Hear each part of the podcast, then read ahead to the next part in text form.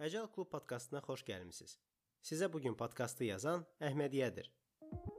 Getdikcə əcəl dünyada və son vaxtlar Azərbaycanda daha çox yayılmağa başlayıb. Səbəbi haqqında əvvəlki podkastlarda danışmışdıq. Bu podkastda bu sahəyə başlamaq üçün lazımı olan sertifikasiyalar haqqında danışacağam. Ümumiyyətlə sual var ki, bu sahədə işləmək üçün sertifikat lazımdırmı? Sualın cavabı həm hə, həm də yoxdur. Bu sahənin bir çox mütəxəssisləri o fikirdədir ki, təcrübə varsa sertifikata ehtiyac yoxdur. Hətta zarafatla deyirlər ki, işləyənin sertifikat almağa vaxtı olmur. Digər tərəf düşünür ki, sertifikatlar lazımlıdır. Ən azı ildə 2 dənə sertifikat və ya təlim proqramını keçmək mütləqdir. Səbəbi də odur ki, vaxt keçdikcə əcəl bilikləri yeniləmək lazım olur. Əcəllə işləyən hər kəs, xüsusən də əcəl koç və scrum masterlər bilirlər ki, gündəlik rutində bəzən reallığı dəyişmək əvəzinə özümüz reallığa uyğunlaşırıq. İldə 2 dəfə, yəni 6 aydan bir beynimizi restart verməliyik ki, bu hallar baş verməsin. Yaxşı, niyə məhz sertifikat, ayrıca təlim olmaz? Təlim faydalı ola bilər, lakin bəzən təlim materiallarını özümüz istədiyimiz kimi başa düşə bilərik bilərik. Məlumatı düzgün başa düşdüyümüzə əmin olmağımız üçün sertifikasiya imtahanını verməliyik. Uğurla keçdiksə,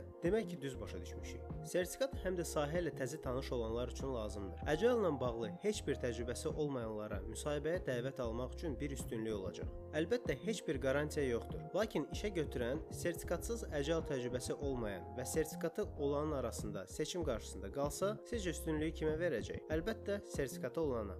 Google-da axtarsaz bir çox sertifikasiyalar tapacaqsınız.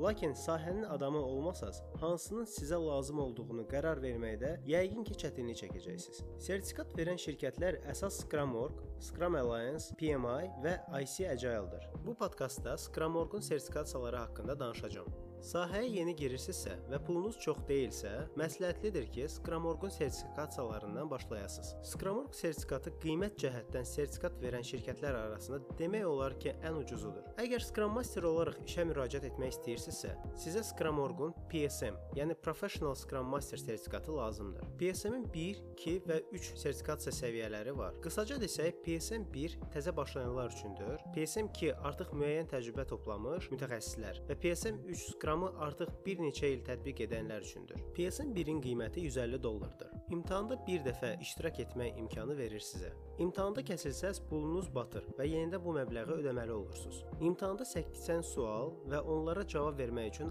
60 dəqiqə verilir. İmtahanı onlayn keçirsiniz. 2019-cu ildə PSN 1 sertifikatı olan adamların sayı təxmini 198 min idi. PSM 2-nin qiyməti 250 dollardır. Burada 30 sual və 90 dəqiqə verilir sizə. Buradakı suallar daha praktiki və mürəkkəb olduğuna görə say olaraq azdır. PSM-2 sertifikatı olanların sayı 8000-dən çoxdur dünyada. PSM-3-ün qiyməti 500 dollardır.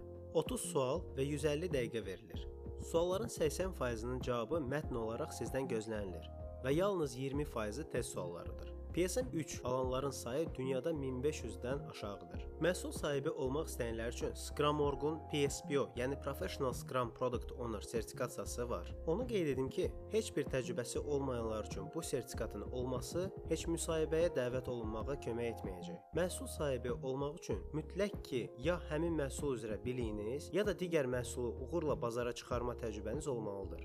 Bu sertifikat məhsul sahiblərinə rol baxımından daha yaxşı dəstək olmaq istəyən Scrum Master, rolunu düzgün anlayıb daha effektiv icra etmək istəyən məhsul sahibləri üçün əsas lazımdır. PSM-də olduğu kimi burada da 3 səviyyə mövcuddur. PSPO 1, 2 və 3.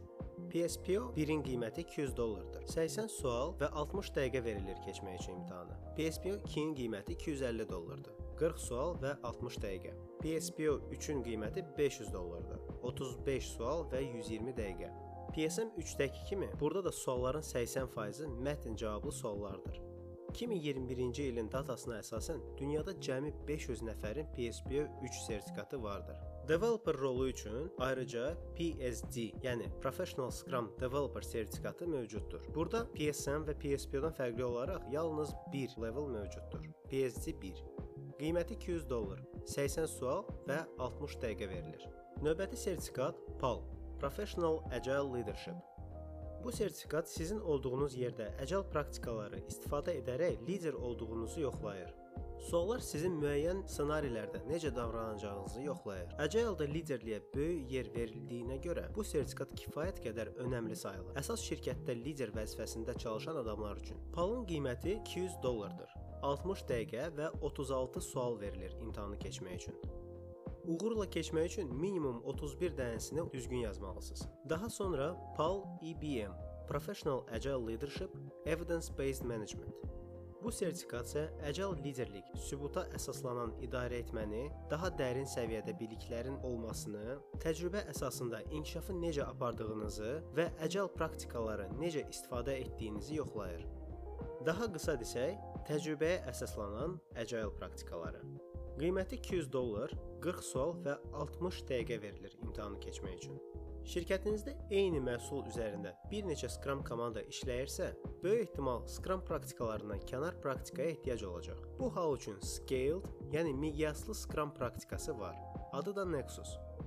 Qiyməti 250 dollar, 40 sual və 60 dəqiqə verilir. Qeyd edim ki, Scrum.org-un bütün imtahanlarında keçid faizi 85%dir. Digər bir neçə ildən bir yeniləməyə ehtiyacı olan sertifikatlardan fərqli olaraq Scrum.org insaflıdır. Sertifikatlarını ömürlük verir. İmtahanlara hazırlaşmaq üçün ən ucuz variant Udemy-dən kurs tapıb orada sınaq sualları ilə hazırlaşmaqdır. Daha effektiv yolu canlı təlim tapmaqdır. Xarici platformalardan belə təlim tapsaz, qiyməti 400 dollardan 1500 dollara qədər dəyişəcək. Müddəti təlim verən şirkətdən asılıdır. 2 gün də ola bilər, 2 həftə də. Adətən tam gün edib 2 gün ilə başını arasını bağlayırlar. Yerli bazarda bu təlimləri keçən şirkətlər çox azdır. Əsasən təcrübəli Agile coach və Scrum Masterlər keçir bu təlimləri. Elə bir tanışınız varsa, onlara müraciət edə bilərsiniz. Belə dostlar, bu Agile sertifikasiyalar haqqında podkast idi. Bu podkastda Scrum sertifikasiyaları haqqında danışdım.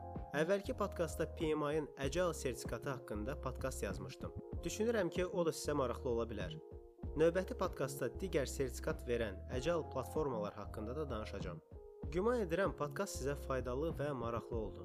İstənilən halda qulaq asıb rəy versəz, podkastı daha da yaxşı etməyə dəstək olacaqsınız. Uğurlar dostlar.